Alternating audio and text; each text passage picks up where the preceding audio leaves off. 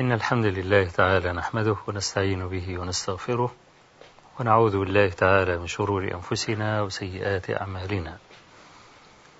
من يهد الله تعالى فلا مضل له ومن يضلل فلا هادي له.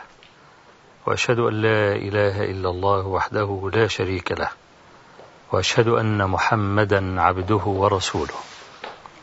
أما بعد فإن أصدق الحديث كتاب الله تعالى وأحسن الهدي هدي محمد صلى الله عليه وآله وسلم. وشر الأمور محدثاتها وكل محدثة بدعة وكل بدعة ضلالة وكل ضلالة في النار. اللهم صل على محمد وعلى آل محمد كما صليت على إبراهيم وعلى آل إبراهيم في العالمين إنك حميد مجيد. وبارك على محمد وعلى آل محمد كما باركت على إبراهيم وعلى آل إبراهيم في العالمين إنك حميد مجيد. ابن شهاب هو الإمام محمد ابن مسلم ابن عبيد الله ابن عبد الله الزهري المشهور بلقب الزهري لأنه في النهاية من بني زهرة واشتهر بهذه النسبة. الزهري الإمام محمد بن مسلم بن شهاب الزهري لو أنا حبيت أتكلم وأطنب في يعني آه الكلام فيه ربما ناخد حلقة أو حلقتين وثلاثة لأن ابن شهاب الزهري من الأئمة الكبار الذين عقدت عليهم الخناصر. وروى مسلم في صحيحه أنه تفرد بتسعين سنة لم يشركه فيها أحد وقبلتها الأمة. وهذا كافي في جلالة الزهري. لأن تعرف تفرد الرواة ساعات أو يعني العلماء تفرد الثقات الكبار اللي زي دول. ممكن العلماء يحكمون عليها بالشذوذ. الزهري التسعين سنة التي انفرد بها ولم يشارك فيها أحد. حكم الإمام مسلم في صحيحه أنه روا أنها رويت عن الزهري بأسانيد جياد. وهذا يعني يدل على جلالة الزهري أنه لم ترد مفاريده. والزهري هو أول من دون علم أول من كتب الحديث. تعرف العرب أمة أمية. لا تحسب ولا تقرأ ولا تكتب كما قال النبي صلى الله عليه وسلم. إن أمة أمية. فكانوا يعتمدون على الحفظ. وحفظهم عجب من العجب. الجماعة اللي هم بتوع النهاردة دول اللي بلعوا كلام المستشرقين ما يصدقش إن لما أقول له الإمام أحمد كان يحفظ ألف ألف. ألف ألف يعني مليون.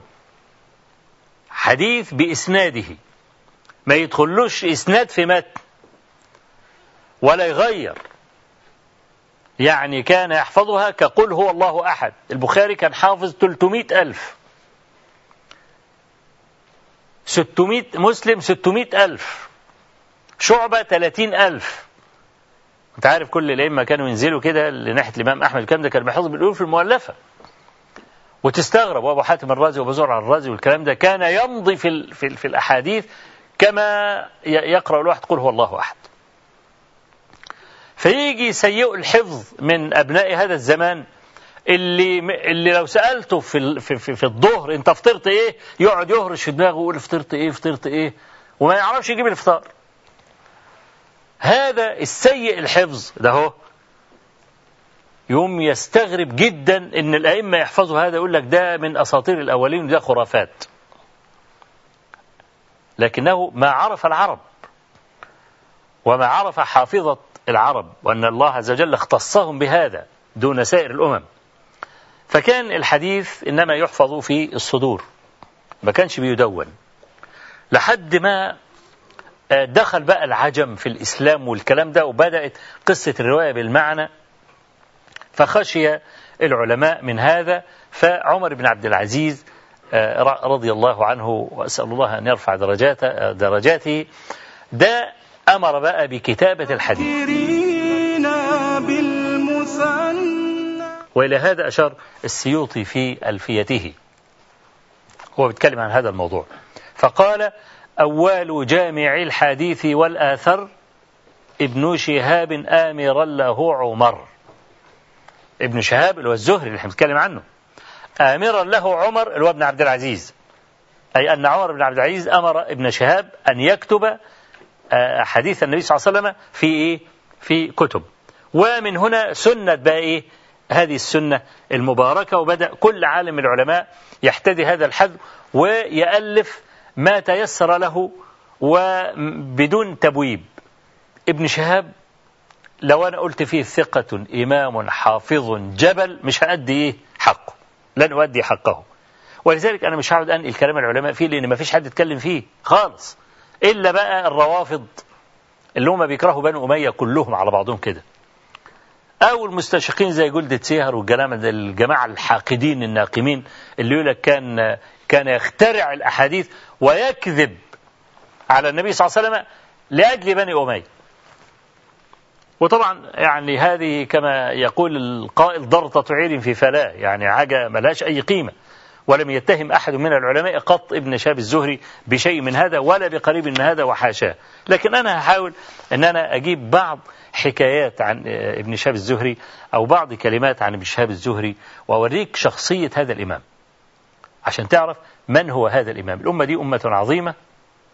ولما نقص على الشباب الواعد طريق المفروض يبقى هو الطليعة للتمكين بإذن الله تعالى. يوم يعرف أنه ينتسب إلى أمة مجيدة فيوم يرتفع يعني قدره وترتفع قامته أيضا. آه ابن شهاب الزهري مرة من المرات آه قرر ألا يحدث. وساعات كان المحدثون يفعلون هذه كنوع من العقوبة للتلامذة. جاءه الحسن بن عمار أظن وسأله أن يحدث. فقال لا أحدث. أو كان الحسن بن عمار عارف أنه لا يحدث فذهب إليه يسأله التحديث فامتنع. قال له إما أن تحدثني أو أحدثك. فالزهري قال له إيه؟ حدثني. هو مش عايز يقول. فقال حدثني الحكم. الحكم ده اللي هو ابن عتيبة. أحد مشايخ آه، شعبة والجماعة دول. حدثني الحكم عن علي بن الجزار قال سمعت علي بن أبي طالب رضي الله عنه يقول ما أخذ الله عز وجل الميثاق على أهل الجهل أن يتعلموا إلا وأخذ الميثاق على أهل العلم أن يعلموا يبقى وقعوا في إيه؟ وقعوا في حيث بيص كأنه بيقول له أنا جاهل وقد أخذ الله علي الميثاق أن أتعلم. قال الله عز وجل فاسألوا أهل الذكر إن كنتم لا تعلمون. فهذا أمر من الله جل جلاله للجهلاء أن يسألوا أهل العلم. طيب إذا العالم كتم الكلام وكتم المعلومة من الذي يعلم الجاهل؟ ها؟ ربنا عز وجل قال وقد أخذ الله ولقد أخذ الله ميثاق الذين أوتوا الكتاب لتبيننه للناس ولا تكتمون. ما هو ده ميثاقه كمان.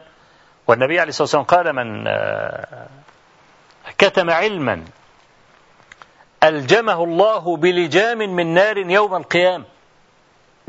حديث أبي هريرة وحديث عبد الله بن عمرو بن العاص وحديث عبد الله بن عمرو بن عمرو أمثل الأحاديث دي كلها في هذا الباب. حديث أبي هريرة له طرق كثيرة متكلم فيه.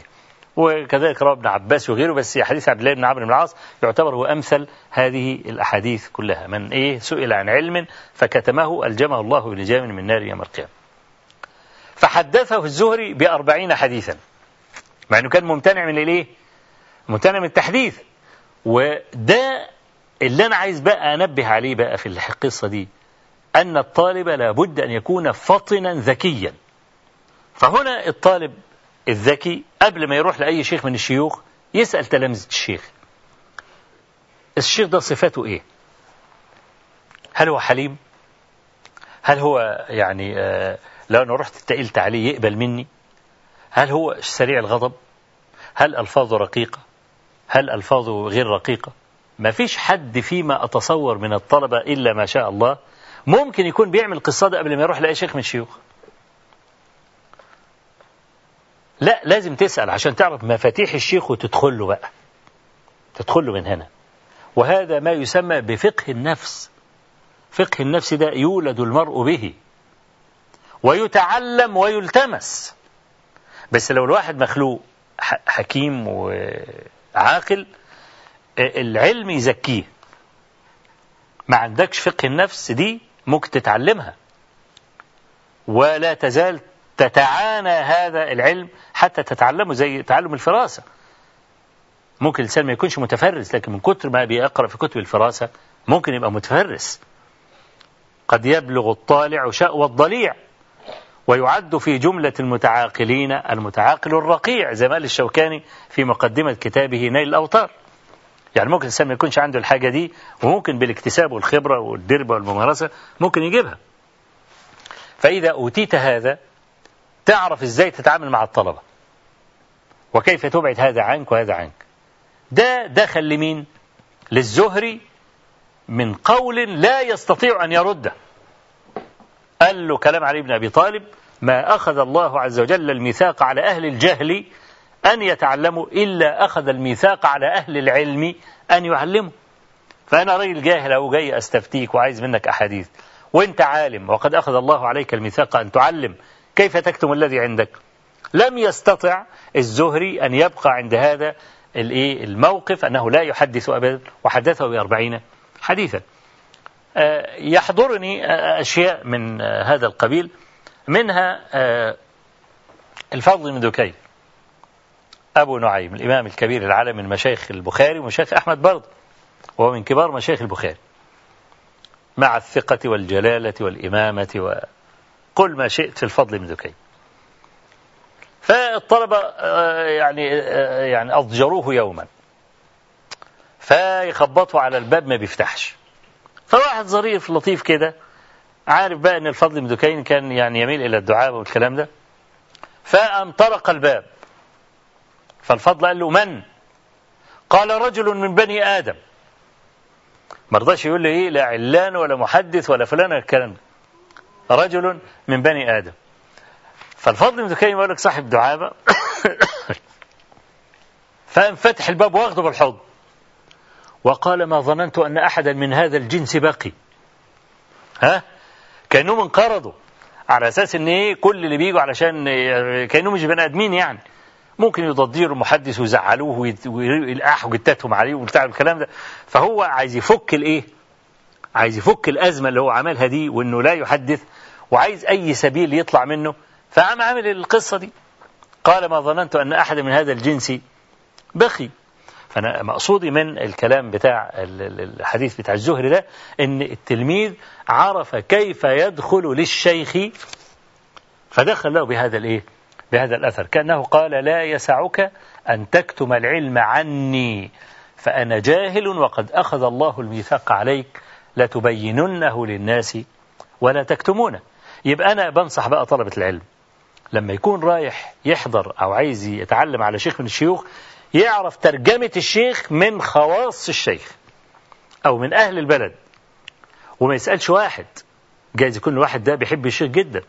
فيضفي عليه من صفات الكمال ما ليس فيه أو يكون بيكرهه فيقوم يبغضه فيسلبه. مثلا لا أنت اسأل خمسة ستة سبعة ثمانية كده عشرة حدا تبلغ مبلغ التواتر. إذا لقيت أغلب الناس يقول لك صفة كذا كذا كذا كذا كذا شوف بقى أني مدخل ممكن تدخل عشان تدخل قلب الشيخ على طول. فيعني الحاصل عشان أختم بس الكلام حتى لا يطول الحاصل أن أي طالب علم لابد يعرف ترجمة الشيخ أخلاق الشيخ يعرف كل شيء عن الشيخ قبل ما يروح.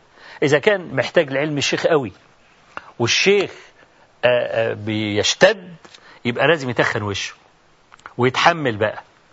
الشيخ يديله كلمة يمين كلمة شمال يبقى جتته منحس بقى جتته منحس يبقى عشان عايز يستفيد. لكن هو بقى النسيم بيجرحه ها؟ واد ما تبع المذهب الفافيشن بقى والكلام ده لا ما ينفعش. اللي زي ده ما ينفعش. يروح يشوف لشيخ بقى إيه؟ بيطبطب. عشان خاطر يقدر يقول له كذا أو كذا. يبقى دي إحدى الفوائد اللي إحنا ممكن نستفيدها من إيه، إيه، هذه الواقعة في ترجمة الزهري رحمه الله. الزهري آه، إمام كبير وأنا لما بتكلم على الائمه دول بتكلم بقلبي. عن علماء الحديث وعلى وجه الخصوص وعن علماء الأمة. عموما يعني أتكلم بقلبي بالذات لما أكون أنا عايش مع العالم من أول ما فتحت عيني وعرفت حاجة اسمها علم الحديث وأنا عايش مع الزهري وعايش مع سفيان وأحمد وأبو حاتم. وهؤلاء العلماء الكبار. أقول قولي هذا وأستغفر الله العظيم لي ولكم وصلى الله وسلم وبارك على نبينا محمد والحمد لله رب العالمين.